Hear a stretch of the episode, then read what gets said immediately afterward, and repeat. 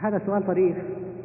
واحد يقول هناك شبهة قد يستغلها النصارى وهي أنهم عندما قالوا إن عيسى عليه السلام الذي هو الرب عندهم قد دخل في بطن أمه ثلاثة أيام فقيل لهم يعني رد عليهم بعض المسلمين وقالوا لهم من يحكم العالم خلال هذه الثلاثة أيام التي بقي فيها في بطن أمه؟ يقول فقد يقولون هم إنكم معشر المسلمين تقولون إن الله ينزل في الثلث الأخير من الليل من يحكم العالم خلال هذا النزول؟ حقيقة؟ هذا السؤال غير وارد. والله سبحانه وتعالى هو مدبر الكون وهو سبحانه وتعالى بيده الأمر ولا يشغله شأن عن شأن. فهو ينزل مثلا على هذه البلاد في ثلث ليلها الأخير ولا آه، يلزم أن يلازم الباطل يخطر على بال الإنسان. بل الله سبحانه وتعالى على العرش استوى. ولهذا اختلف العلماء هل يخلو منه العرش إذا نزل أم لا ولم يرد في ذلك نص كما سبق أن بينا. ولهذا نقول إن الذي يترجح أنه لا يلزم خلو العرش منه لأن الله تعالى ليس كمثله شيء. الخطأ نشأ من قياس الله بخلقه. الله سبحانه وتعالى يقول في آية يجب أن تتذكروها دائما. يجب أن تتذكروها دائما وأنتم تبحثون أو تناقشون مسألة صفات الله سبحانه وتعالى. الله يقول وما قدر الله حق قدره والأرض جميعا قبضته يوم القيامة والسماوات مطويات بيمينه. سبحانه وتعالى عما يشركون. إذا كانت السماوات والأراضين كلها في يد الرحمن مثل الخردلة في يد أحد فكيف يأتي قائل ليقول إذا نزل هل يلزم وهل لا يلزم؟ لا. إن هذا الوهم وهذا السؤال ناشئ من ظنه أن الله تعالى مخلوق من هذه المخلوقات محدود. الله سبحانه وتعالى هو فوق هذا العالم وهو عظيم عظيم جدا لأن السماوات والأراضين يقبض يقبضها الله سبحانه وتعالى كما ورد فنزوله سبحانه وتعالى إلى سماء الدنيا كما يليق به ولا يلزم مثل مثل هذا الأمر أو مثل هذا السؤال الذي طرحه السائل. يقول ذكرت أنه لا يجوز أن يقول الفرد لو فعلت كذا لما حدث لي كذا. فإذا رتب مثلا عن إهمال منها يجوز أن يقول لو اجتهدت لنجحت وما القول الصحيح في مثل هذا الموقف؟ نعم. هو المشكلة إذا كانت لو للاعتراض على القدر. إذا كانت لو للاعتراض على القدر وإلا فالنبي صلى الله عليه وسلم لما ساق الهدي في الحج ومعلوم أن من ساق الهدي لا يجوز له أن يحل حتى ينحر هديه. فالنبي صلى الله عليه وسلم قال للصحابة الذين لم يسوقوا الهدي أكملوا عمرتكم وأحلوا يعني تمتعوا بالعمرة إلى الحج. فالصحابة قالوا له, قالوا له وأنت يا رسول الله؟ قال صلى الله عليه وسلم لو استقبلت من أمري ما استدبرت ما سقت الهدي. يعني ما سقتها معي من المدينة. ما سقت الهدي ولا جعلتها عمرة. يعني لو استقبلت من أمري ما استدبرت ما أخذت الهدي معي من هناك وإنما جئت بلا هدي ثم أكملت عمرتي ثم يوم العيد أنحر هديا بمكة. فالنبي صلى الله عليه وسلم قال لو استقبلت من أمري ما استدبرت ما سقت الهدي. فاللو الممنوع منها هي ما كانت اعتراضا على قدر الله سبحانه وتعالى. مثل إنسان أصيب بمصيبة فيبدأ يتحسر ويقول لو أنني فعلت كذا ما حدث. لا. ولهذا من رسب في الامتحان إذا كان اعتراضا على القدر لا نجوز. لكن إذا كان من باب العبرة والعظة فهو صحيح. يقال له لو فعلت السبب وذكرت فلربما كان سببا كان سببا في نجاحك. يعني قد تنجح وقد لا تنجح. قد يجتهد الإنسان ثم ثم لا ينجح. يقول قد يحتج بعض الناس فيقول إن قدر لي بأن أذنب أو أعصي إن الله قدر لي بأن أذنب أو أعصي فلو لم يقدره لي لم أفعل. فكيف نجيب؟ سبق الجواب على هذا. ما أدراك حينما تقول إن قدر لي أو لم يقدر. أنت الآن في لحظة لا تعلم ماذا في الغيب ما تعلم هل في قدر الله أنك تعصي أو لا تعصي. فماذا تصنع؟ ولك إرادة ولك قدرة. الواجب عليك أن تتبع ما أمر الله سبحانه وتعالى وألا تبحث عن ما في المقدور. لأن المقدور لا تعلمه أنت ولا غيرك إلا بعد أن يقع. وما دام الأمر كذلك وما دمت جاهلا فالواجب عليك أن تصنع ما أمرك الله به. فإذا عصيت وذهبت إلى المعصية فأنت ذهبت إليها أولا بإرادتك ولم تجبر عليها فأنت محاسب عليها فإذا ما وقعت منك واحتجيت بالقدر لا حجة لك. هو صحيح أنه بعد وقوعها هي بقدر لكن لا حجة لك. ولهذا إذا جاءنا الآن وقد سبق أن عصى وقال إن معصيتي بقدر الله نقول تعال والآن ماذا أنت صانع؟ نحن نقول لك ماذا تعلم؟ لا تعلم ماذا في قدر الله تعالى. فاستبدل تلك المعصية بتوبة وتكون التوبة بقضاء الله. بطاعة وتكون الطاعة بقضاء الله وقدره. وكما سبق في الدرس الماضي فإنه لا يحتج أحد أبدا بالقدر إلا ولله الحجة البالغة عليه. نعم لله الحجة البالغة. وكما سبق أن ضربنا لكم مثلا. ذلك الذي يحتج بالمعصية هو يحتج بها لأنها فيما بينه وبين الله. فالشيطان هو الذي سول له. والشيطان يريد أن يغويه فيأتيه بمثل هذه الشبهة. لكن هذا الإنسان نفسه لا يحتج بالقدر في أمور أخرى هي بقضاء القدر.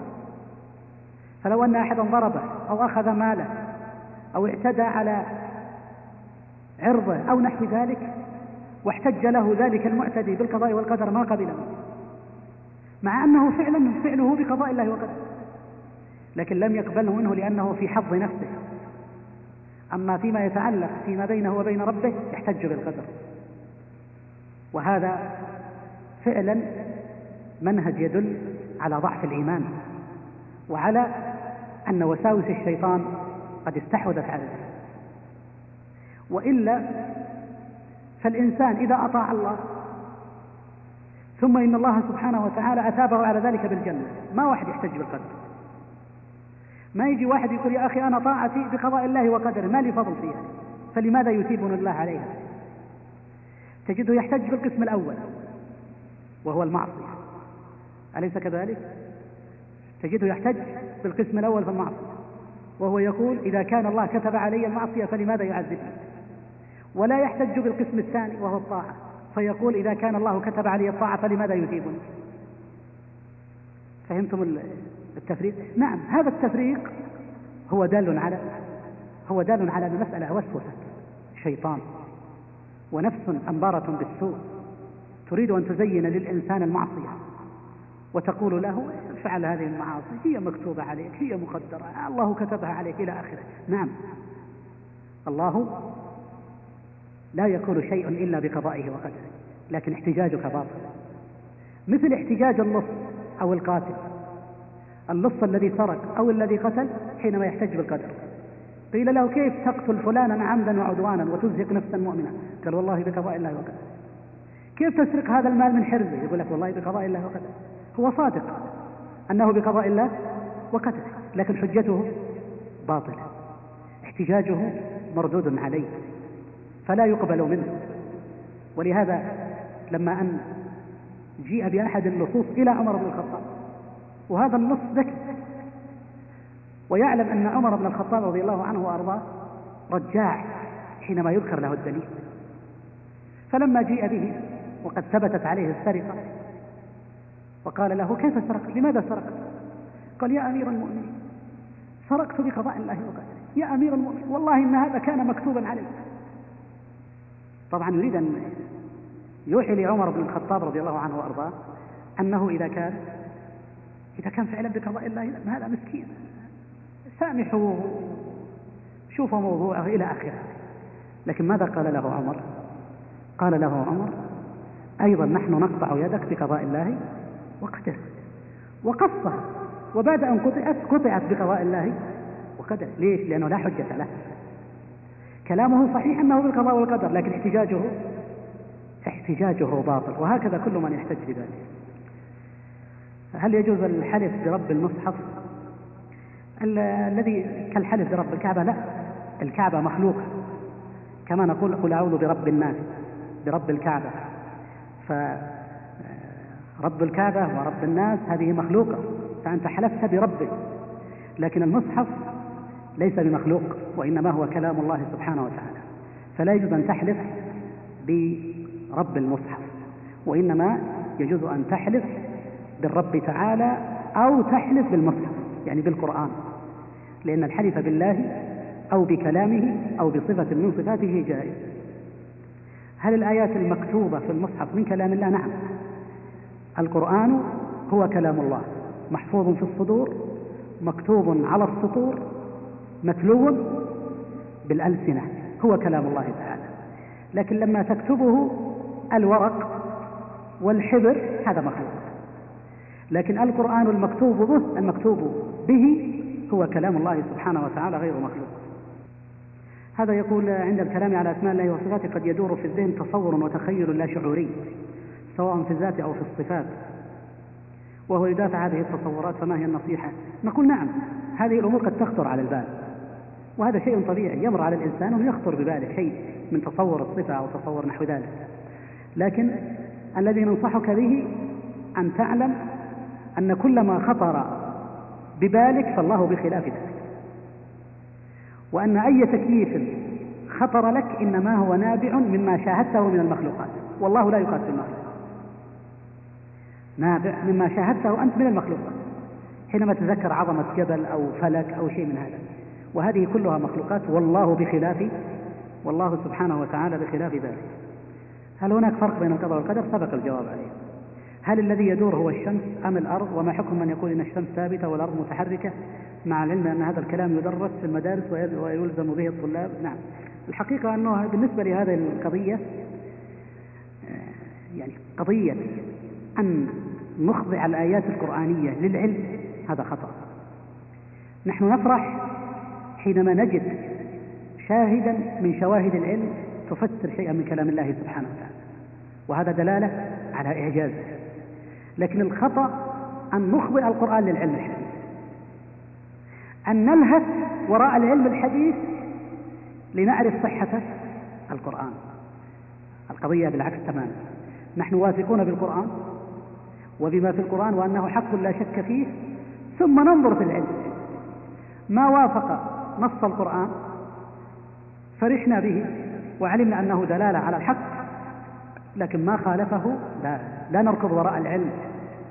لاهثين نتأول من أجله كتاب الله سبحانه وتعالى. وهذا من الأخطاء التي يجب أن ينتبه لها من يتصدى لدراسة الإعجاز العلمي والمنهج العلمي في القرآن الكريم. فإن هذا باب عظيم وفيه خير كثير لكن بشرط أن يتدارك هذا الخطأ. لأن بعض الناس يلهث وراء العلم ليصحح القرآن به. وتجده أحيانا يلهث وراء التأويلات البعيدة جدا لبعض الآيات حتى تتوافق مع العلم الحديث. ومنها هذه القضية التي سأل عنها السائل وهي قضية قضية هل الشمس ثابتة أو تدور؟ أو متحركة؟ العلم الحديث والفلك وغيره يقول لك أن الشمس ثابتة. والله سبحانه وتعالى يقول وكل في فلك يسبحون. ويقول والشمس تجري لمستقر لها فعندنا نص قاطع أن الشمس تجري. إذا مهما جاءنا من العلم الحديث؟ نقول قد يتبين في المستقبل أن هذه النظرية نظرية جزئية قد يكون ثباتها ثبات نسبي. يعني أحيانا لما تجيب حركة شديدة وحركة أخرى بطيئة ثم تأتي بحركة ثالثة تتحول بين الحركتين كأنها ثابتة. بينما هي؟ بينما هي متحركة لكن نظرا لتوازنها بين الحركتين تصبح وكأنها وكأنها واقفة لكنها لكنها متحركة. فقد يكون ما في نظرية العلم الحديث في مسألة ثبات الشمس مرتبط بهذا لكن الشيء الذي نجزم به جزما أكيدا أن الشمس تجري وأنها ليست وأنها ليست ثابتة. ونقول لهؤلاء ولعلمهم إن كان قد بلغ عندكم مثل هذه باليقين فقد بلغ عندنا في كتاب الله تعالى اليقين اليقين. وسيأتي اليوم الذي يتبين فيه صحة ما في كلام الله سبحانه وتعالى. سم من يقول إنها حقيقة عندنا ان ان الشمس والشمس معها؟ الحمد لله. إذا أخوكم يقول الآن حقيقة علمية أن كل النجوم والكواكب ومنها الشمس تجري. إذا ما في إشكال الحمد لله. القضية حركة الأرض هذه قضية ثانية.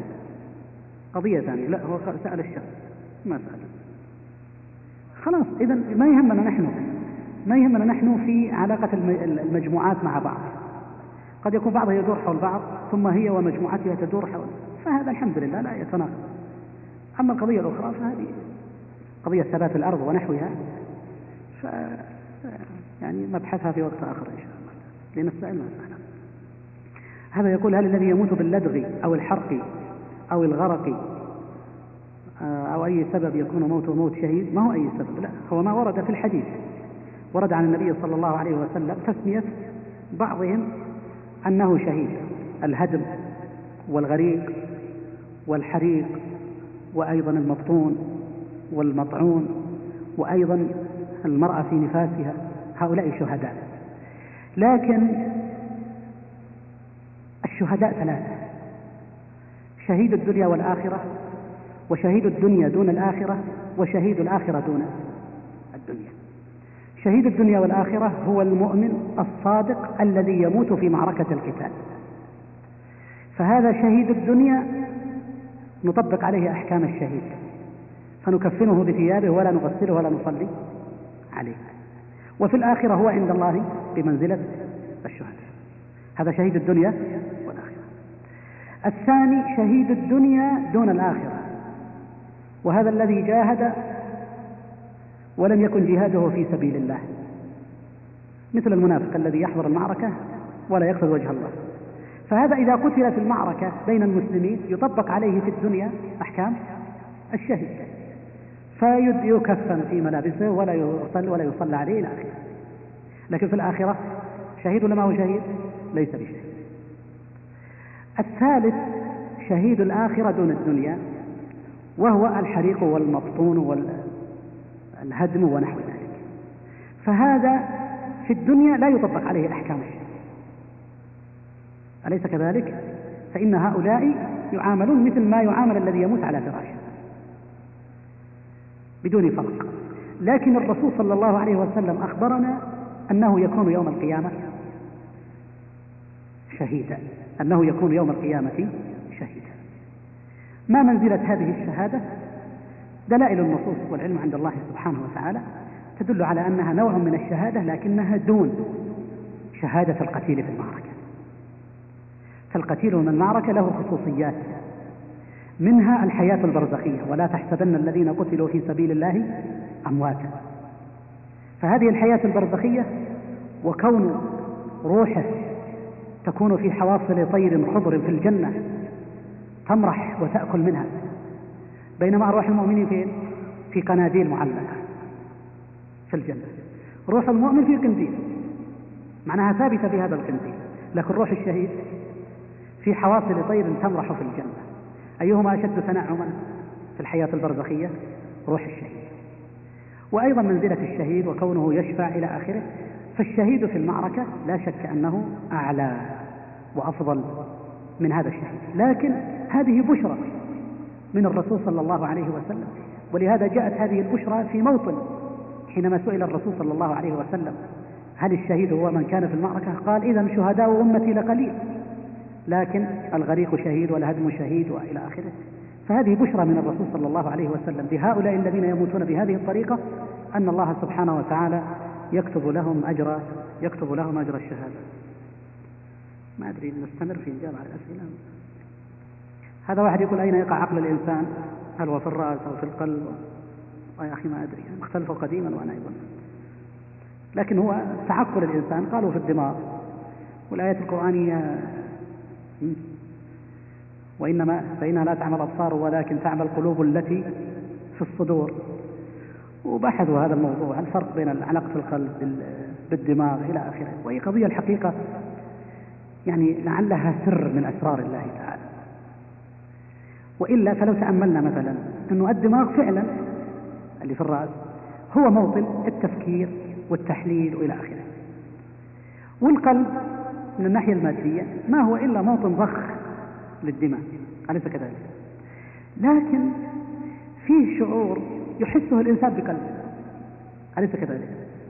لما يقول أنا أحس لما يحزن الإنسان أو يقول يحس بوخزة داخل القلب. ما يقول يحس بوخزة داخل؟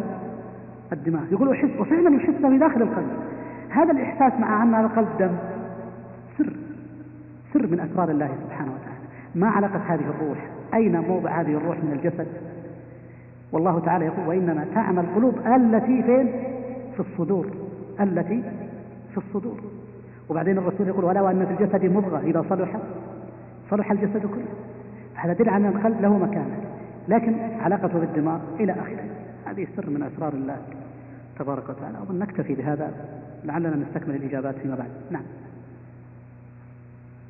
قد يحتج أخوكم يقول قول الله تعالى لهم قلوب لا يعقلون بها. لهم قلوب لا يعقلون بها. لكن يعني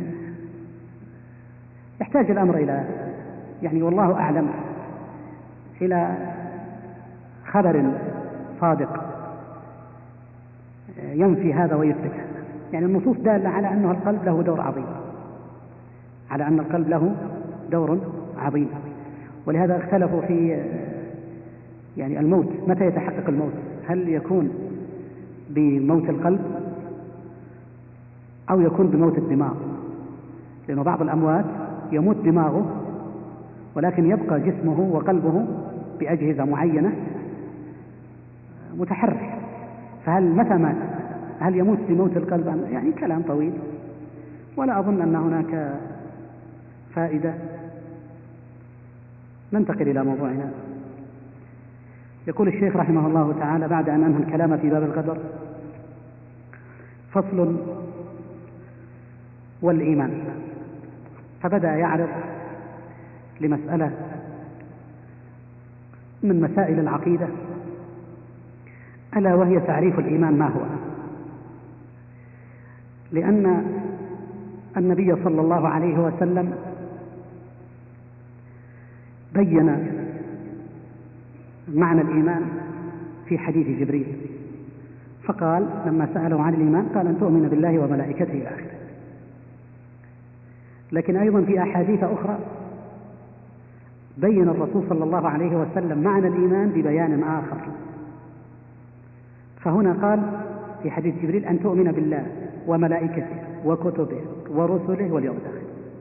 وتؤمن بالقدر خيره وشره. وقد أجاب عن الإسلام بأنه أن تشهد أن لا إله إلا الله وأن محمد رسول الله وتقيم الصلاة وتؤتي الزكاة وتصوم رمضان وتحج البيت إذا هنا فسر الإيمان بالأمور الباطنة وفسر الإسلام بالأعمال الظاهرة. هذا في حديث جبريل لكن في حديث آخر وهو في صحيح البخاري وغيره قال الرسول صلى الله عليه وسلم لوفد عبد القيس آمركم بالإيمان بالله وحده. أتدرون ما الإيمان بالله؟ شهادة أن لا إله إلا الله. وأني رسول الله. وإقام الصلاة. وإيتاء الزكاة وأن تؤدوا خمس ما غنمتم. فبماذا, فبماذا فسر الإيمان هنا؟ فسره؟ نعم بالأعمال الظاهرة. فسره بالصلاة والزكاة وبتأدية خمس الغنيمة. كذلك أيضا الرسول صلى الله عليه وسلم قال الإيمان بضع وستون هذه رواية البخاري. بضع وستون أو في رواية مسلم بضع وسبعون. بضع وستون أو بضع وسبعون شعبة.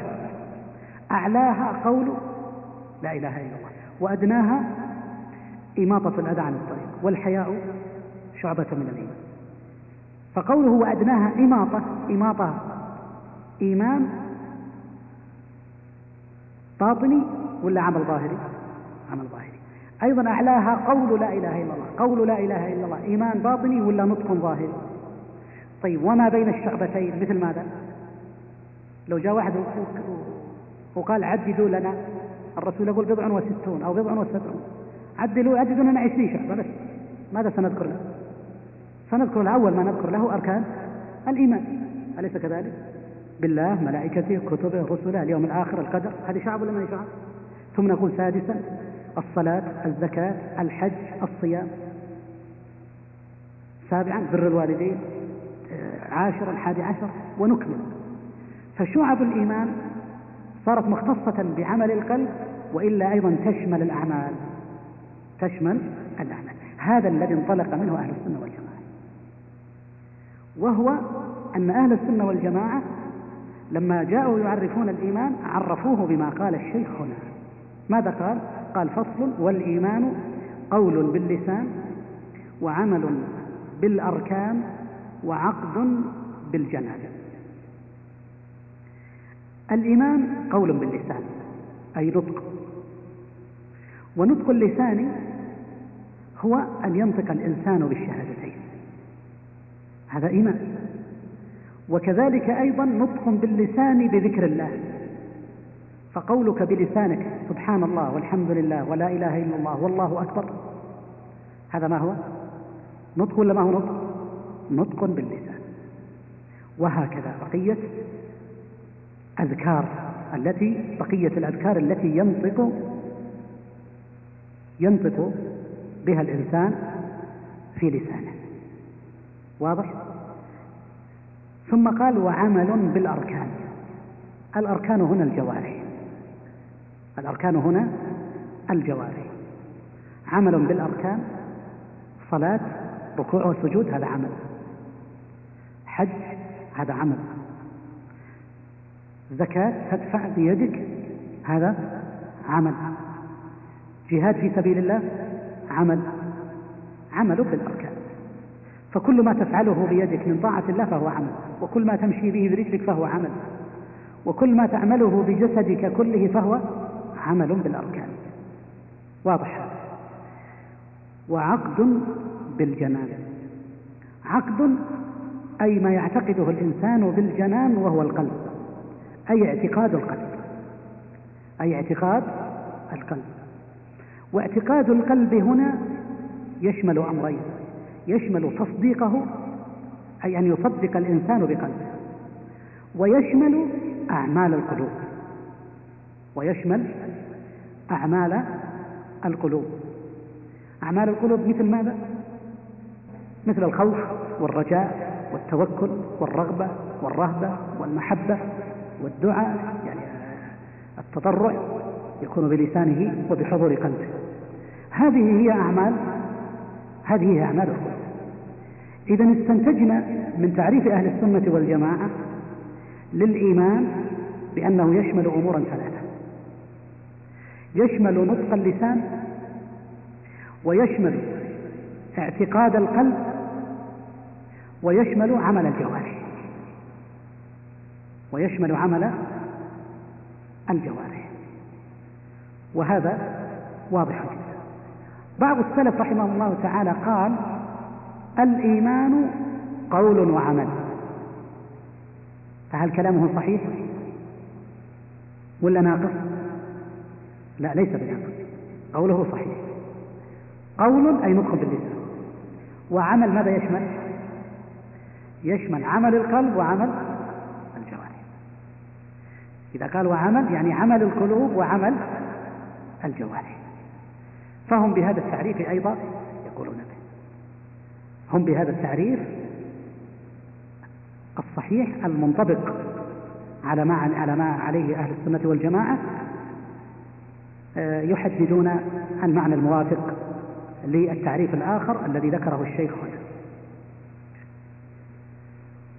ونحن نحدد هذا المعنى لأهل السنة والجماعة لأن الأدلة دلت على ذلك. قول أمركم بالإيمان أن تشهدوا. قل لا إله إلا الله. قولوا آمنا. إذا هو واجب وهو من الإيمان. اعتقاد القلب الإخلاص يحبهم ويحبونه فلا تخافوهم وخافون. اعبدوا الله مخلصين له الدين. هذه أعمال القلوب أعمال الجوارح كل ما يتعلق بشعب الإيمان المتعددة التي تعمل بالجوارح كلها داخلة في الإيمان. إذا الأدلة على ذلك متواترة.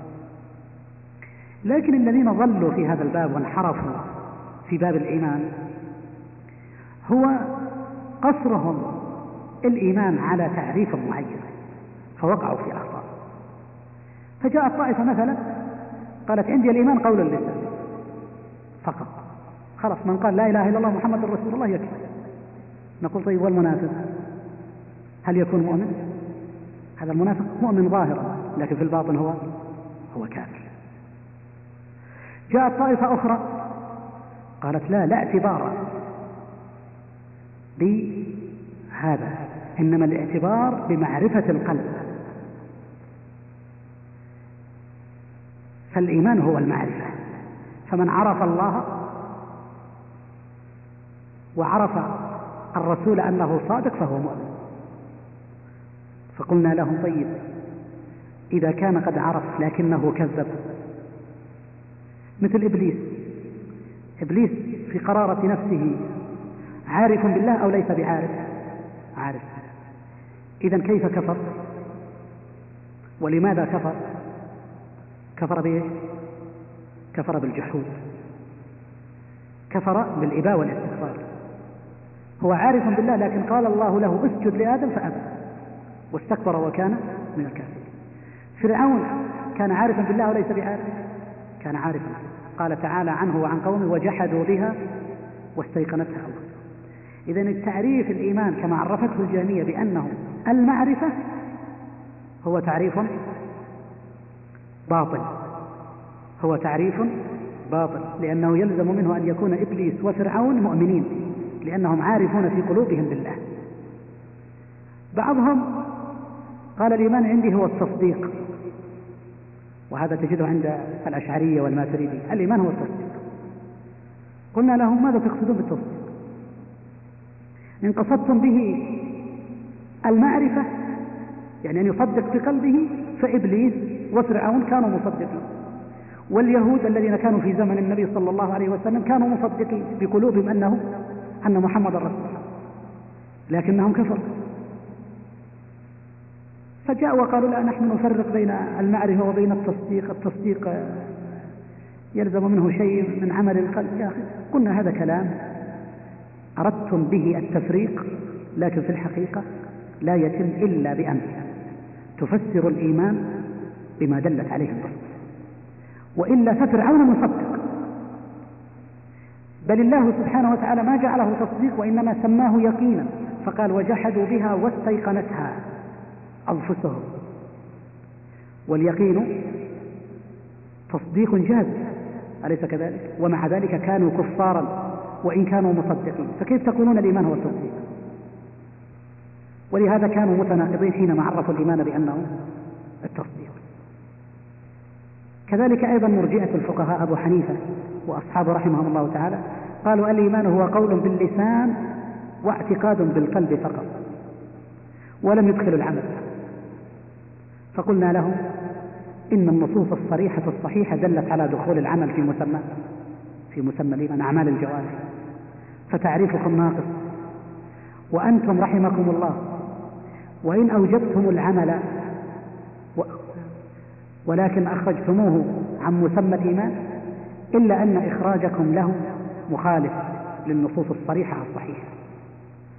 فهؤلاء كلهم انحرفوا على تفاوت فيما بينهم في تعريف الإيمان. لكن التعريف الصحيح هو ما ذكره أهل السنة والجماعة وعبر عنه الشيخ هنا.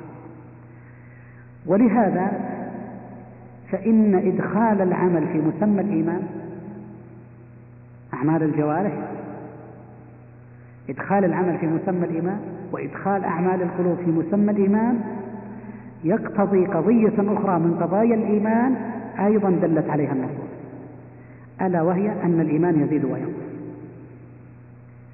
كل من ذكرناه سابقا من الطوائف غير أهل السنة والجماعة. من طوائف المرجئة يقولون الإيمان لا يزيد ولا ينقص لماذا؟ لأن الإيمان عندهم مجرد التصديق. مجرد التصديق عندهم معناها خلاص فلان مصدق فلان مصدق. فلا تفاوت بين المصدقين. بينما لو تأملنا لوجدنا أنه حتى في باب التصديق يتفاوت الناس أو لا يتفاوتون يتفاوتون لأن الناس لا يتفاوتون متى؟ لما يكون لما يكون الأمر خبرا عن حاضر. خبرا عن حاضر. يعني مثلا لما أجي وأقول لكم هذا كتاب وكل واحد منكم رآه وعلم أنه لأنه أمر حاضر قريب منكم فتصديقكم له متفاوت ولا متساوي؟ ما يجي واحد يقول أنا أكثر منك إيمان بأن هذا بأن هذا كتاب أليس كذلك؟ لكن لما يتعلق الأمر بخبر عن غائب نحن في هذا المسجد مثلا لو جاءنا واحد وأخبرنا بخبر جرى مثلا في الجامعة قال قبل قليل مثلا حدث كذا وكذا. إيماننا واحد ولا مختلف؟ تصديقنا بهذا الخبر الغيبي واحد ولا مختلف؟ سيختلف. واحد منا رأى القائل يعني غريب فما صدق. واحد آخر لا يعرفه أنه فلان بفلان الثقة فصدق. واحد شاك واحد كذب. كلنا سنتفاوت في هذا لأنه خبر عن عن غيب. مجمل مسائل الإيمان. هي خبر عن حاضر أو خبر عن غيب إذا حتى تصديقنا بالله لما يقول المرجع إن التصديق واحد نقول لا حتى التصديق متفاوت. هذا مصدق بالله وهذا مصدق بالله لكن هل تصديقهم وإيمانهم بالله واحد؟ لا. حتى الإيمان بالملائكة حتى الإيمان باليوم الآخر هل تصديقنا بالإيمان باليوم الآخر واحد؟ أم متفاوت. هذا قوي الإيمان وهذا أقل منه. حتى التصديق بالقضاء والقدر حتى التصديق برسالة محمد صلى الله عليه وسلم. إذا لا شك أنه يتفاوت. فإذا جئنا لأعمال الجوارح فهل يتفاوتون؟ يعني ذلك الإنسان الذي هو مصدق لكنه لا يعمل شيء وذلك الإنسان الذي هو مصدق صوام قوام مطيع لله أمار بالمعروف نهاء عن المنكر. صاحب خير وأعمال صالحة. هذا مثل هذا؟ إيمان هذا مثل إيمان هذا؟ لا يمكن أن يكون. إذا تصديق القلب يتفاوت الناس. وأعمال الجوارح من الطاعات والإيمان يتفاوت الناس فيها. ومن ثم دلت الأدلة الصحيحة على أن الإيمان يزيد وينقص. ولهذا قال الشيخ هنا يزيد بالطاعة وينقص بالعصيان. ثم ذكر الأدلة فقال قال الله تعالى وما أمروا إلا ليعبدوا الله مخلصين له الدين حنفاء. مخلصين له الدين حنفاء. أي ملة إبراهيم الحنيفية اللي هي صدق الإخلاص في العبادة لله سبحانه وتعالى. وقال ويقيم الصلاة ويؤتوا الزكاة وذلك دين القيمة. وذلك دين القيمة. قال الشيخ فجعل عبادة الله وإخلاص القلب وإقام الصلاة وإيتاء الزكاة كله من الدين. كله من من الدين. وإذا كان من الدين فهو من الإيمان أو ليس من الإيمان؟ فهو من الإيمان. إذا الدين والإيمان كل منهما يدخل فيه قول اللسان ويدخل فيه اعتقاد القلب والإخلاص له ويدخل فيه أعمال الجوارح إيتاء الزكاة وإقامة وإقامة وهذا أيضا دليل صريح في هذا. الباب ثم قال الشيخ وقال رسول الله صلى الله عليه وسلم الإيمان بضع وسبعون شعبة أعلاها شهادة أن لا إله إلا الله وأدناها إماطة الأذى عن الطريق. فجعل القول والعمل من الإيمان. جعل القول فقال أعلاها قول لا إله إلا الله. والعمل قال وأدناها إماطة الأذى من الطريق. فدل على هذا على أن الإيمان قول وعمل. قول وعمل خلافا للدنيا ثم أخذ الشيخ يستشهد ويدلل بعد أن دلل على تعريف الإيمان وأنه قول واعتقاد وعمل أخذ يدلل على زيادته ونقصانه. فقال وقال تعالى فزادتهم إيمانا. وهم يستبشرون. فأما الذين آمنوا وإذا ما أنزلت سورة فمنهم من يقول أيكم زادته هذه إيمانا؟ فأما الذين آمنوا فزادتهم إيمانا. فنزول الآيات القرآنية تزيد في الإيمان. وهذا يدل على الزيادة. وإذا دل على الزيادة فهو قابل للنقصان. وقال ليزدادوا إيمانا في سورة الفتح. إيمانا مع إيمانهم ولله جنود السماوات والأرض. إذا هذا دل على زيادة الإيمان.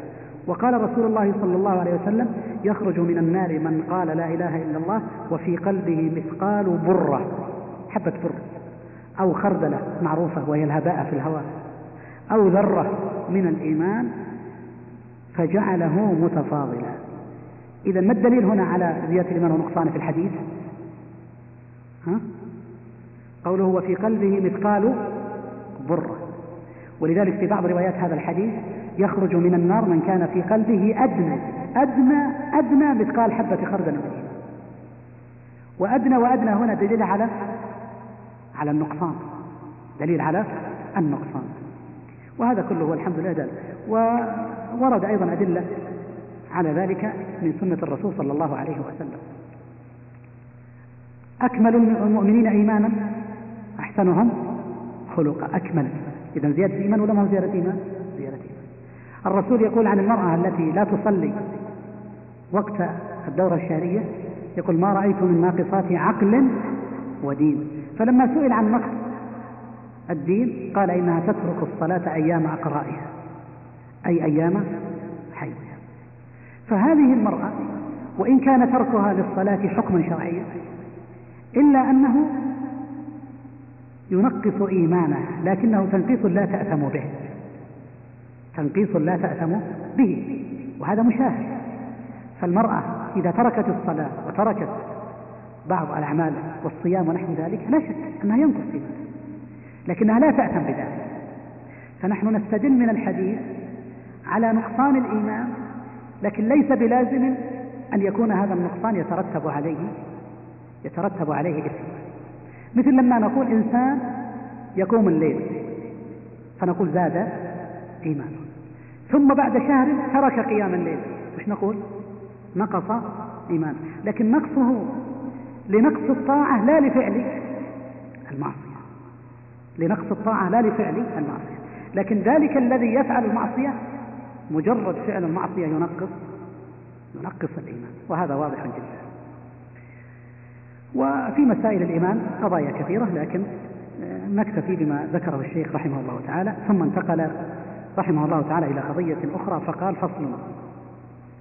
ويجب الإيمان بكل ما أخبر به النبي صلى الله عليه وسلم وصح به النقل عنه فيما شاهدناه أو غاب عنا نعلم أنه حق وصدق وسواء في ذلك ما عقلناه وجهلناه ولم نطلع على حقيقة معناه.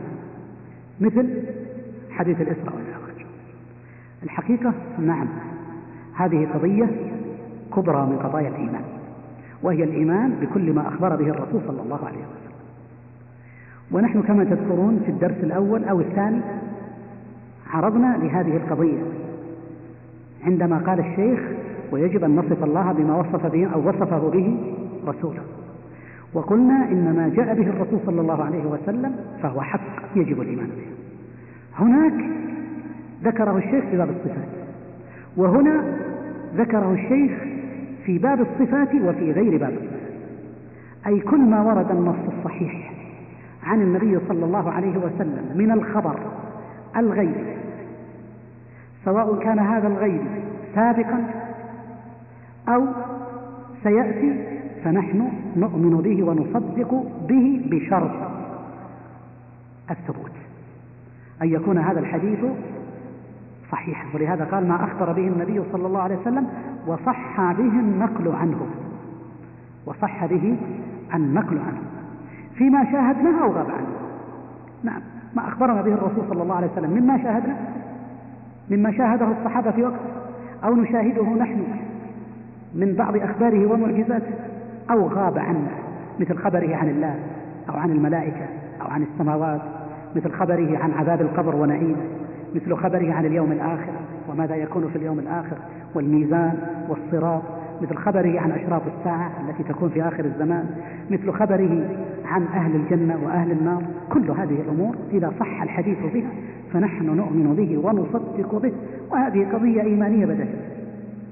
لكن المؤسف حقا هو أنه وجد في المسلمين من يستهين بحديث الرسول صلى الله عليه وسلم ولا يصدق ما جاء به ولهذا الرسول صلى الله عليه وسلم أخبر عن ذلك.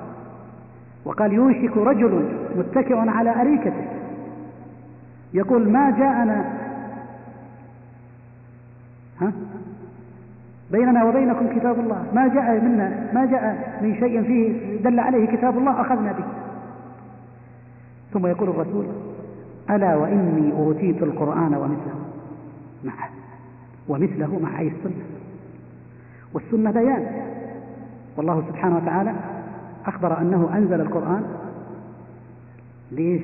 وأنزلنا إليك الذكر لتبين للناس ما نزل إليه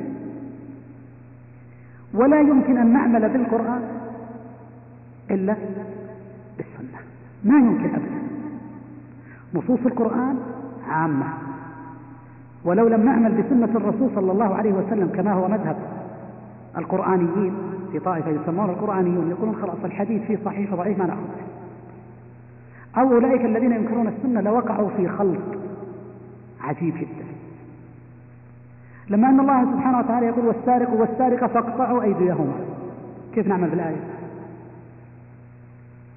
من هو السارق؟ السارق الذي سرق ثلاث حبات شعير والسارق الذي سرق درهم والسارق الذي سرق ثلاث دراهم والسارق الذي سرق مليون درهم كله سارق. إذا إذا أخذنا بالعموم سنقطع يد كل سارق حتى ولو كان أمرا دون النصاب حتى ولو كان أمرا تافها. ويحدث الخلط العجيب. ثم إذا جئنا لننفذ القصاص فاقطعوا أيديهما. ما هي اليد؟ هل اليد من الكف؟ أو من منتصف الساعد أو من المرفق أو من العضد أو من الكتف كيف نقطع اليد هل يمكن أن ننفذ هذا الحكم الشرعي إلا ببيان الرسول صلى الله عليه وسلم؟ لا يمكن. وتعالوا إلى بقية الأحكام الشرعية. إذا الأحكام الشرعية والأخبار الغيبية التي وردت صحيحة عن النبي صلى الله عليه وسلم نحن نأخذ بها. ونؤمن بما كان فيها من أخبار ونعمل بما كان فيها من حكم وتشريع لأن الرسول صلى الله عليه وسلم هو مبلغ عن ربه سبحانه وتعالى وما جاء به حق وصدق. يأتينا خبر من الأخبار عن النبي صلى الله عليه وسلم. نأخذ به مثل حديث الذباب ما أدري سبق مثلنا به أو حديث الذباب بعضهم يرد هذا الحديث. ليش؟ لقول فلان أو علان أو أهل الطب أو غيرهم أن الذباب ينقل نقول نعم ينقل الأمر. لكن الرسول قال هذا الحكم. وتبين فعلا. تبين فعلا. وهذا البيان والحمد لله للاطمئنان. وإلا فما غير في إيماننا شيئا. بصدق حديث الرسول صلى الله عليه وسلم حين قال عن الذباب إذا وقع في إناء أحدكم فليغمسه ثم لينزعه. فإن في أحد جناحيه داء وفي الآخر شفاء وهكذا بقية الأمور التي يخبر عنها الرسول صلى الله عليه وسلم. ولهذا مثل الشيخ هنا بأمثلة فيها شيء من الغيبيات. قال مثل حديث الإسراء والمعراج. ليش؟ لأن الإسراء والمعراج كان غيبا. كان يقظة لا منام هذا مذهب السنة والجماعة؟ والرسول صلى الله عليه وسلم أسري به إيش؟ إلى بيت المقدس. إذا الإسراء هو السير ليلا السير ليلا فأسري به من المسجد الحرام إلى المسجد الأقصى. والمعراج مفعال من العروج. مفعال من العروج وهي آلة الآلة التي يصعد بها الله أعلم بكيفيتها. والمقصود به عروجه صلى الله عليه وسلم أو العروج به إلى إلى السماء. وأهل السنة والجماعة يقولون إنه كان يقظة وكان بروحه وجسده بروحه وجسده. هذا هو الصحيح. وهذا الإسراء والمعراج هو معجزة من معجزات الرسول صلى الله عليه وسلم. لكن من حكمة الله تعالى أن جعل فيها الإسراء الذي يستدل به عمليا على صدق الرسول صلى الله عليه وسلم في ذلك. لأن الله قادر على أن يعرج به من المسجد الحرام إلى لكن لو عرج به إلى السماء وجاء الرسول في الصباح يقول عرج به إلى السماء لقال المشركون هذا مثل ما تقول أنت ينزل علي ملك يعني هذا أمر غيبي. لا يمكن أن نستدل منه على صدق ما تقول. لكن من حكمة الله أن جاء الإسراء إلى بيت المقدس. ولهذا لما اعترض المشركون ما اعترضوا على العروج به إلى السماء وإنما اعترضوا على الإسراء به إلى بيت المقدس. لأن هذه القضية المادية التي يرون أنها لا يمكن أن تتم في ليلة في ليلة واحدة. ولهذا لما أن الرسول صلى الله عليه وسلم أخبرهم بذلك أنكروه. أنكرته قريش. وأكبرته. وقالت هذا شيء لا يمكن أن يتم ولا يمكن أن يقع. وبقية القصة معروفة وتصديق أبي بكر. لكن انتبهوا إلى كيف أن الرسول صلى الله عليه وسلم أخبرهم عن أشياء دلت على أن هذا وقع فعلا أخبرهم عن العير وماذا جرى لها ومتى ستقدم بل وأخبرهم عن تفاصيل دقيقة وهم يقطعون ويجزمون بأن الرسول صلى الله عليه وسلم ما ذهب إلى فلسطين عن تفاصيل بيت المقدس. حين سأله المشركون فرفعه الله سبحانه وتعالى إلى النبي صلى الله عليه وسلم وصار كأنه ينظر إليه فيصف عليه الصلاة والسلام وصفا دقيقا حتى أن الواحد من الجالسين من المشركين قد يكون استقر في ذهنه وقد ذهب إلى هناك جزئية بسيطة في المسجد. المدخل العتبة الفلانية المكان الفلاني ماذا ماذا ماذا فيه من وصف فالرسول صلى الله عليه وسلم يصف وصفا دقيقا لكن لو كان منام كما يزعم البعض ويقول الإسراء والمعراج كان مناما. ينكرونه ولا ما ينكرون لم ينكروا. المنامات تنكر ولا ما تنكر؟ إذا جاء واحد وقال رأيت في النوم أنني ذهبت إلى كذا وصعد بي وعرج بي إلى آخره. يبقى هذا منام ليس بمستقر. لكن قريش وهم كفار فهموا من قول الرسول إنه أسري بي ثم عرج بي إلى السماء أنه كان بروحه وجسده يقظة لا منام.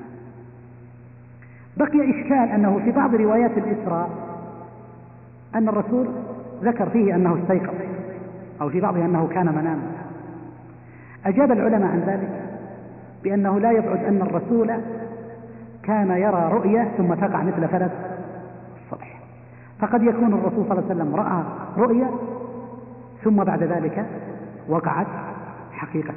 لكن ما أخبر به الرسول صلى الله عليه وسلم المشركين إنما هو إنما هو إخبار بالإسراء بروحه وجسده يقظة وليس مناما كيف تم ذلك؟ هذا علم الرسول أخبرنا عن البراق وعن شيء من وصفه وعن شيء من سرعته وأخبرنا عما جرى له في السماوات وكيف كيف استفتح كل سماء وكيف التقى ببعض الأنبياء وكيف أنه بلغ سدرة المنتهى وكيف أنه سمع صريف الأقلام وكيف أنه رأى جبريل وكيف أن الله كلمه في السماء وخاطبه مباشرة بدون واسطة وفرض عليه الصلوات الخمس إلى آخره.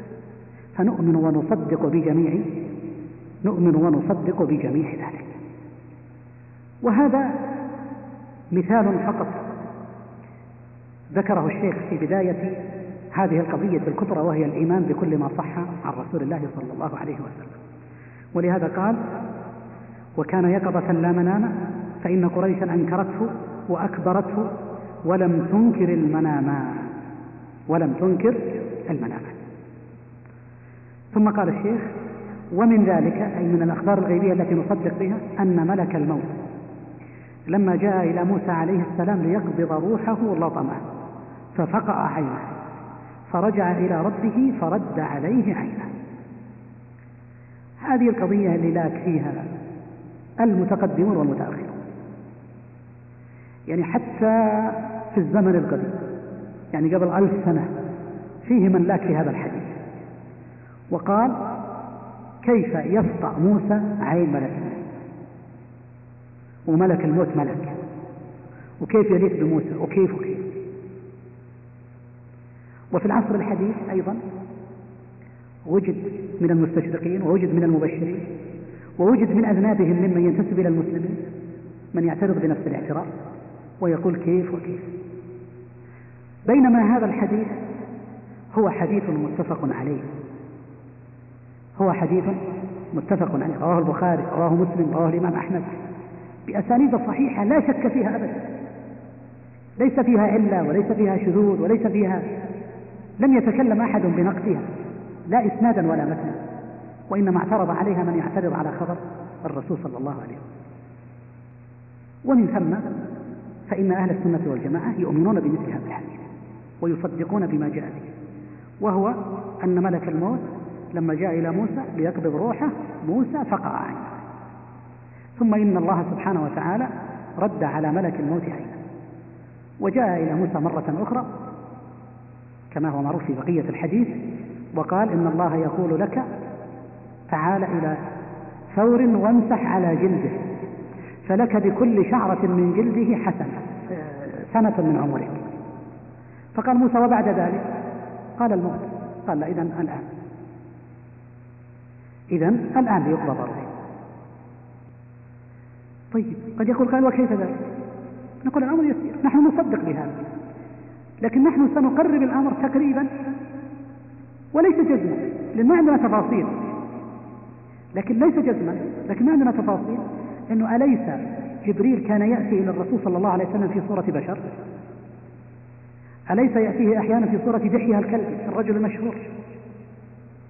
حتى أنه كان يدخل على الرسول فيكون دخل عليه دحية بينما هو جبريل.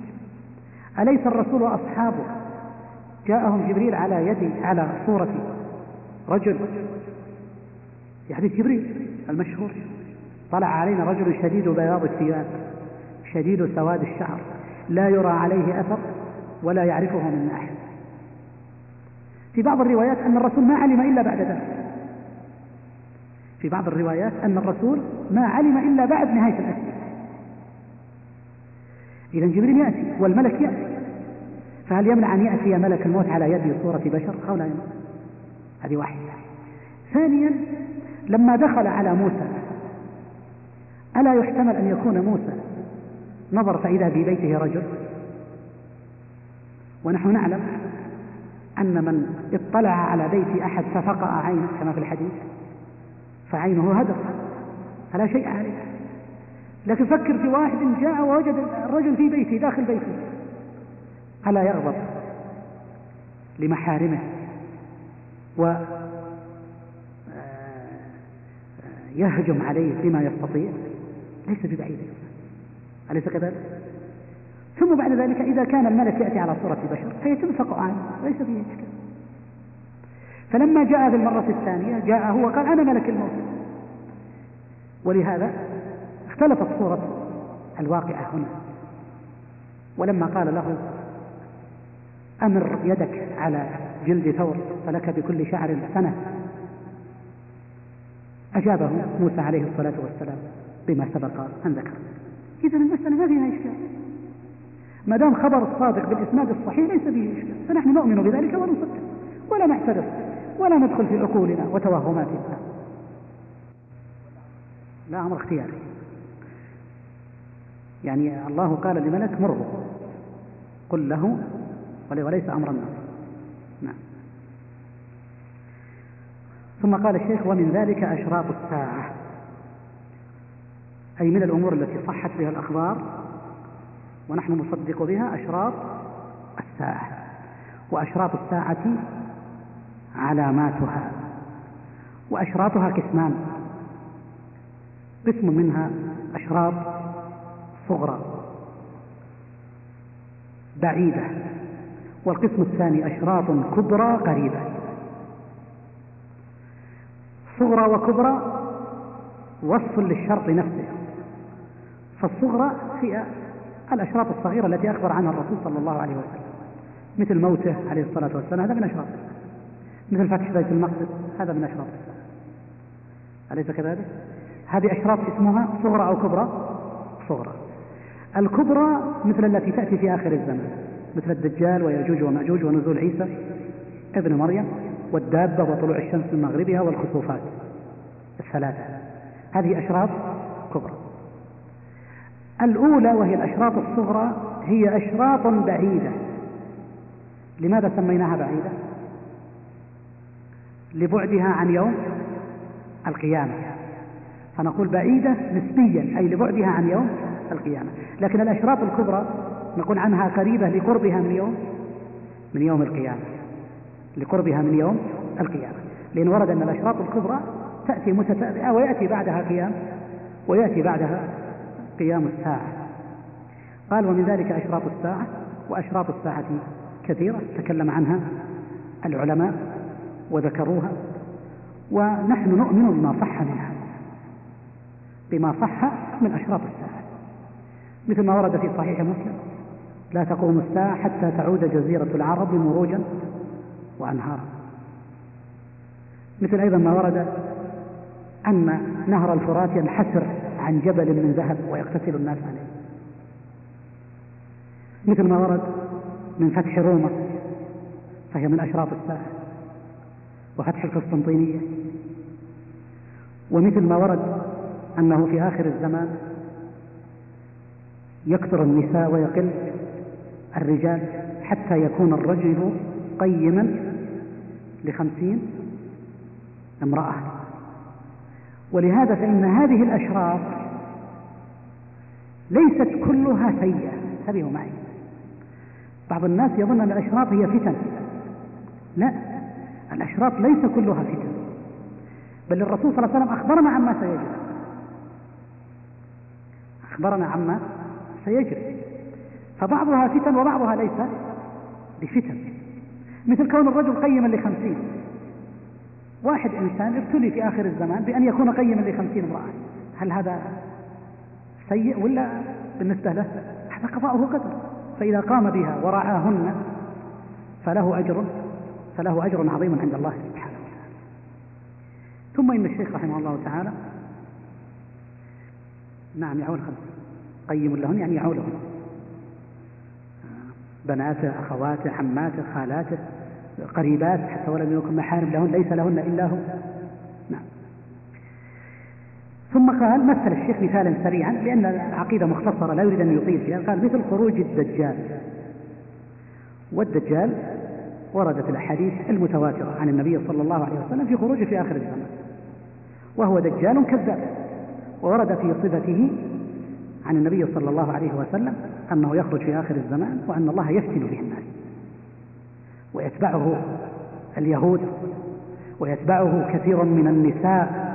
انتبهوا يتبعه اليهود ويتبعه كثير من النساء وضعفت العقول. وأنه يجوب الأرض. وأن الله يؤيده بخوارق. وهذه الخوارق يفتن بها الناس. فيأمر الأرض أن تمطر.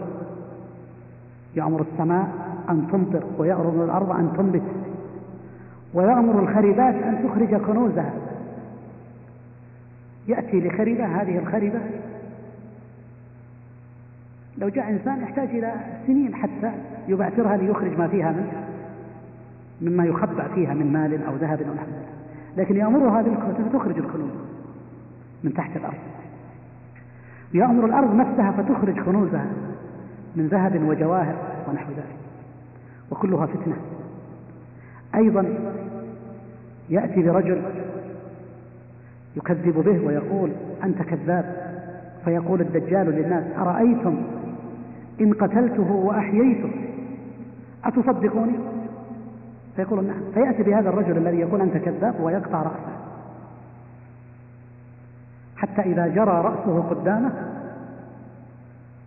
أمره أمر الرأس بأن يرجع وأن يحيا من جديد فيعود ويحيا من جديد. كم فيها من فتنة؟ فتنة عظيمة لكن هذا الرجل الذي قطع رأسه هل يفتن؟ لا. ورد أنه يقول أتؤمن بي؟ يعني الرجل هذا بعد أن قطع رأسك يقول والله ما ازددت فيك إلا يقينا أنت الكذاب. فيطلبه مرة أخرى عنه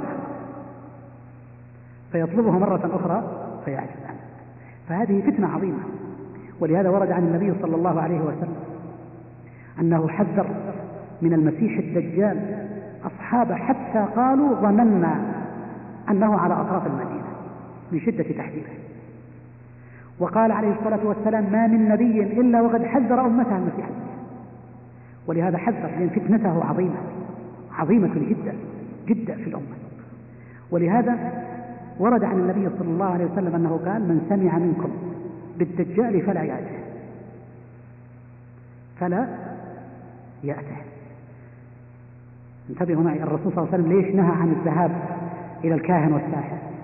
لأنه فتنة. أنت إذا قيل لك كاهن وساحر يعلم الغيب تقول نعم هو كذاب. لكن إذا ذهبت إليه وبدأ يخبرك عن شعوذاته ربما أنك تبدأ يصير عندك شك. أنتم معي؟ هذه حكمة النهي. النهي عن الذهاب إلى الكاهن. من أتى كاهنا فصدقه وفي رواية من أتى كاهنا فقد كفر بما أنزل على محمد صلى الله عليه وسلم. الرسول يقول من سمع منكم بالدجال فلا يأتي لا تخليها مسألة فرجة. تقول الله نتفرج. إحنا دارين إنه كذاب لكن نذهب نتفرج. فالنبي صلى الله عليه وسلم يقول في هذا الحديث فإن الرجل لا يسمع بالدجال فيقول نعم هذا هو الدجال أشهد أنه الكذاب. الذي أخبرنا رسول الله صلى الله عليه وسلم عنه يعني عنده الأدلة. والمعرفة اليقين بأنه كذاب. لكن يقول الرسول ثم إنه يأتي إليه. فلا يزال به حتى يؤمن به ويصدق. يفتن به. يفتن به. لأنه فعلا. إذا جاء قال السماء امطري فتمطر الأرض أنبتي فتنبت. الأرض أخرجي كنوزك تخرج. يقطع الرجال ويعيد مرة ثانية. فتن وهذه الفتنة العظيمة حذر الرسول صلى الله عليه وسلم منها وهو يخرج في آخر الزمن. وإذا خرج يخرج معه اليهود ويقتله من؟ يقتله عيسى بن مريم. ولهذا قال ونزول عيسى ابن مريم عليه السلام فيقتله. أي نؤمن بأن عيسى ابن مريم عليه الصلاة والسلام ينزل في آخر الزمن. وأنه يقتل الدجال. يعني عندنا قضيتين من أشراط الساعة الكبرى. القضية الأولى مجيء الدجال وخروجه والثانية نزول عيسى بن مريم.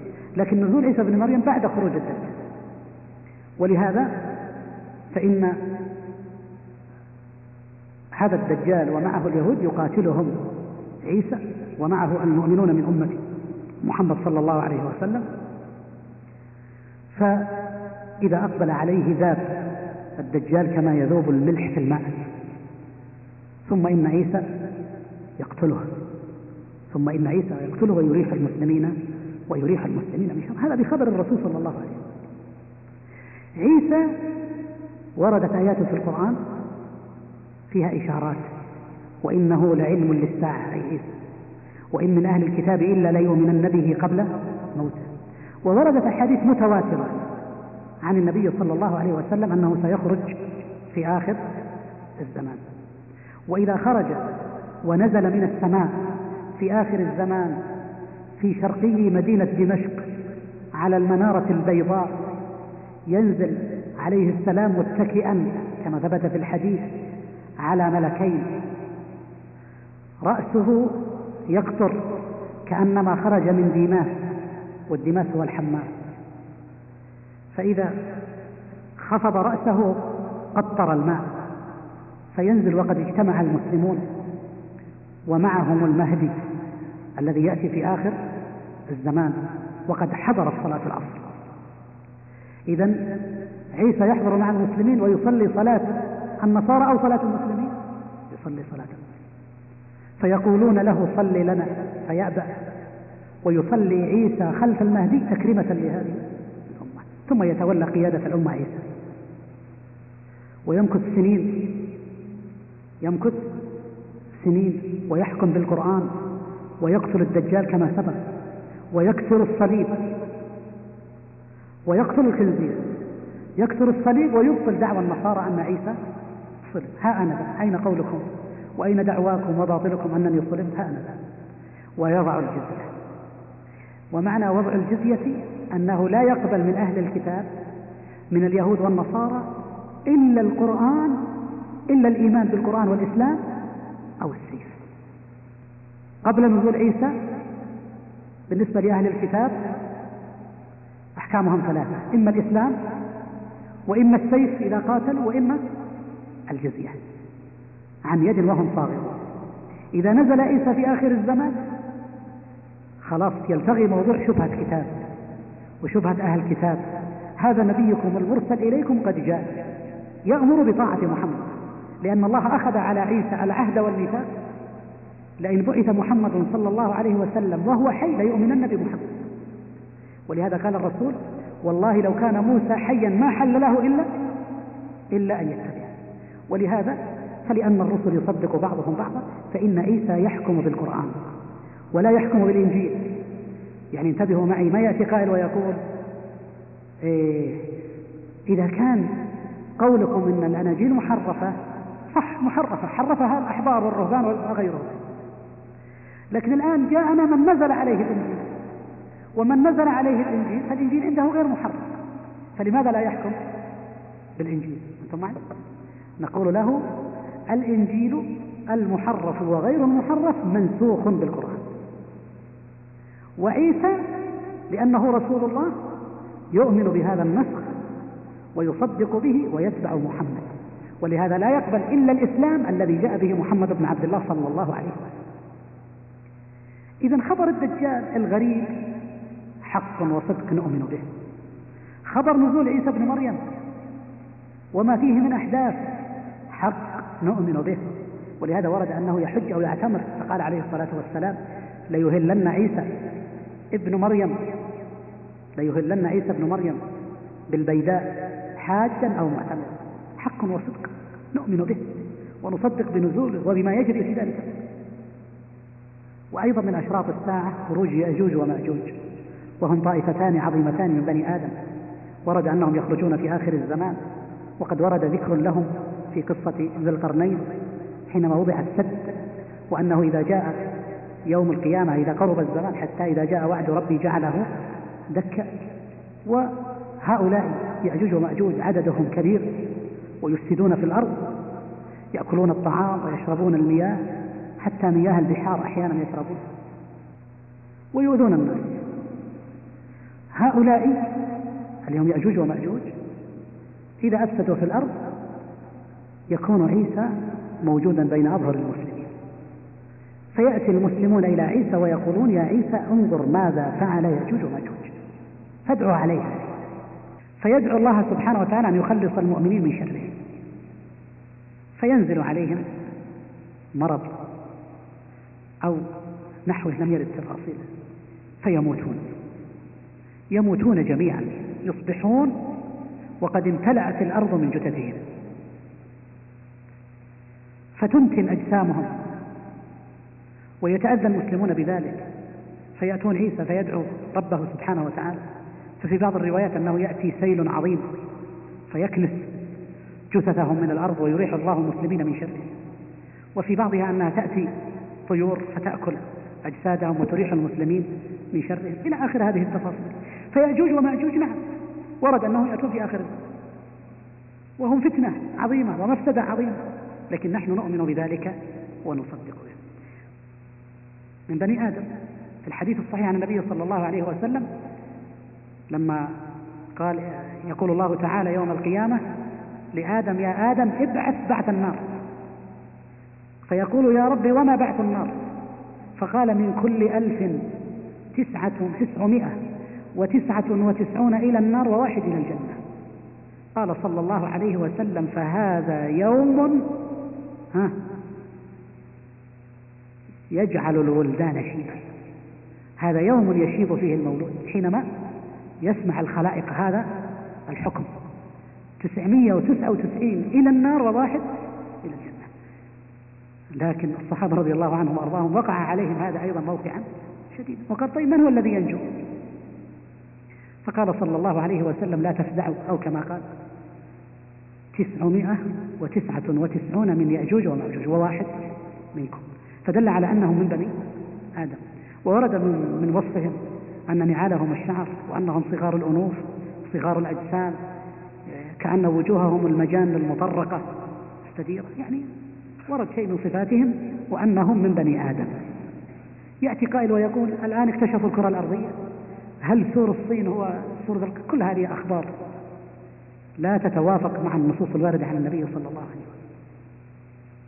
والعلم عند الله تعالى. لكن نحن نصدق بذلك ونؤمن به. بعضهم فسر بأنهم الصين أنه في آخر الزمان يكثر عدد الصين ويهجمون لكن الذي يظهر الله أعلم أنه ليس بيننا وبين الصين الآن سور بل التنقل بيننا وبينهم وارد.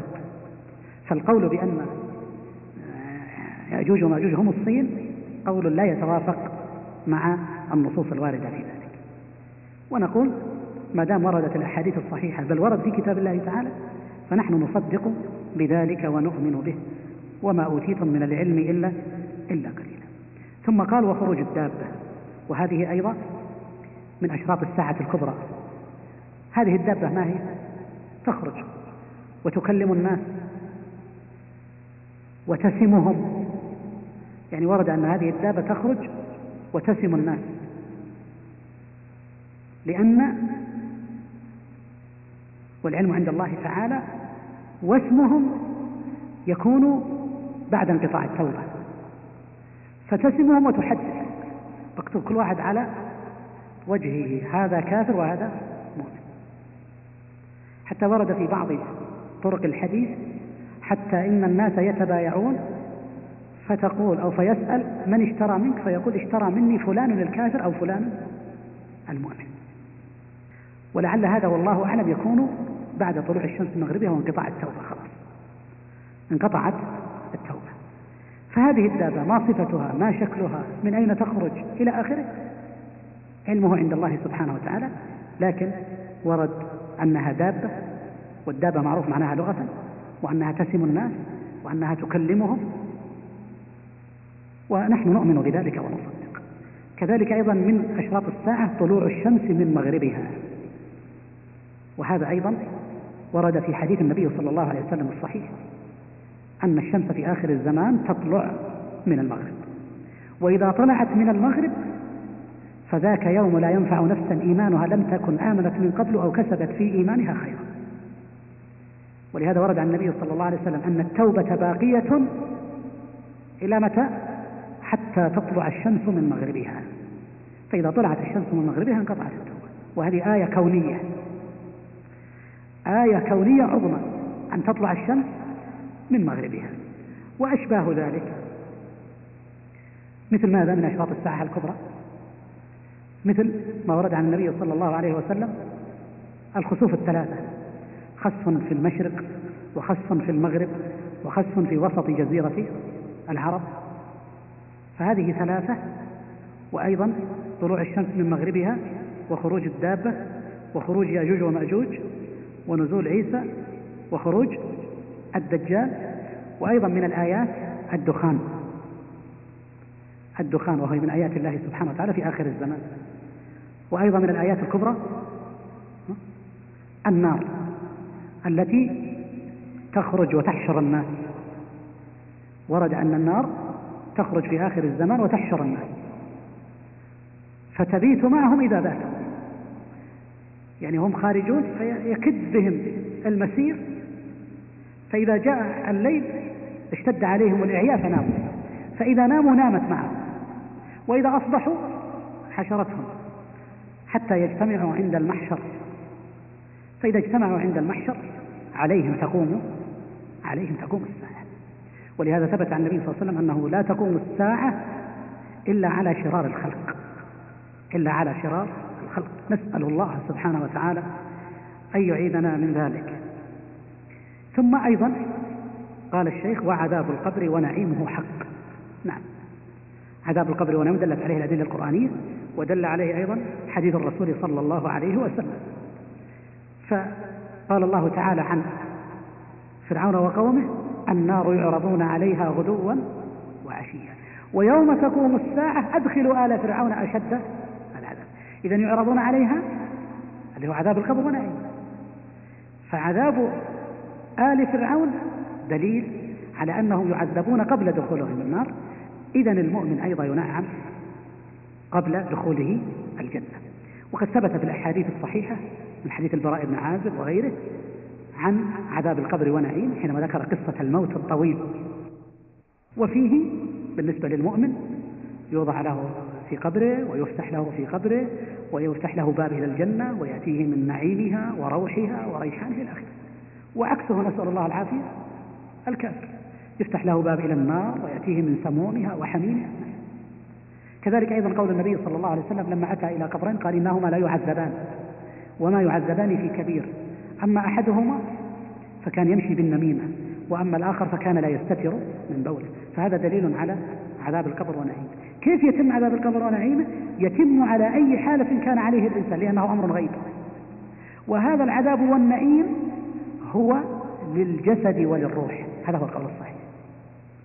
للجسد وللروح. كيف يتم هذا؟ هذا أمر غيبي. واحد أكلته السباع فتحول إلى أن يكون طعام يجري في دمائها وعروقها.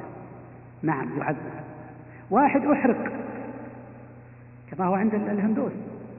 أليس كذلك؟ عندهم من الطقوس. يأتي الواحد ويحرق أعز الناس إليه. كما فعل لما ما شاهدتم في الصحف صورة إحراق غاندي حينما أحرقها مين؟ أحرقها ولدها. قدام الناس. طقس ديني أتى بالنار ووضع جثتها وأحرقها. لتنال عذاب الدنيا قبل عذاب. نسأل الله السلامة والعافية. إذا هذا الذي أحرق أو أكلته السباع أو أكلته الأسماك أو غرق أو مزق أو أكلته الأرض أو قطع أو غير ذلك يعذب أو ينعم بحسب أعماله. كيف يتم هذا؟ هذا غيب لا نعلمه لكن نؤمن بذلك ونصدق. قال وقد استعاذ النبي صلى الله عليه وسلم منه. وهذا في الأحاديث الصحيحة. أنه كان صلى الله عليه وسلم يستعيذ دبر كل صلاة من عذاب القبر ومن المسيح الدجال وأمر به في كل صلاة نعم كما ثبت في الحديث. وفتنة القبر حق وسؤال منكر ونكير حق. أيضا فتنة القبر لأنه ورد عن النبي صلى الله عليه وسلم أن هذه الأمة تفتن في قبورها. نعم. من فتنة المحيا ومن فتنة المسيح الدجال ومن فتنة القبر. وهذه الفتنة إنما هي فتنة السؤال. فكل إنسان يسأل يسأل في قبره يقال له من ربك؟ ما دينك؟ من؟ نبيك. هذه فتنة السؤال. فالمؤمن يجيب إجابات صحيحة. والكافر والمنافق يقول ها ها لا أدري. ويقول الله تعالى يثبت الله الذين آمنوا بالقول الثابت في الحياة الدنيا وفي الآخرة. فالثبات في الدنيا يؤدي إلى ثبات في يوم القيامة وإلى الثبات عند السؤال في وسؤال منكر ونكير أيضا ورد عن النبي صلى الله عليه وسلم أنهما يسألان كما سبق قبل قليل بيان ذلك. ونكتفي بهذا ونكمل إن شاء الله تعالى في الأسبوع القادم. وصلى الله وسلم على نبينا محمد وآله وصحبه وسلم.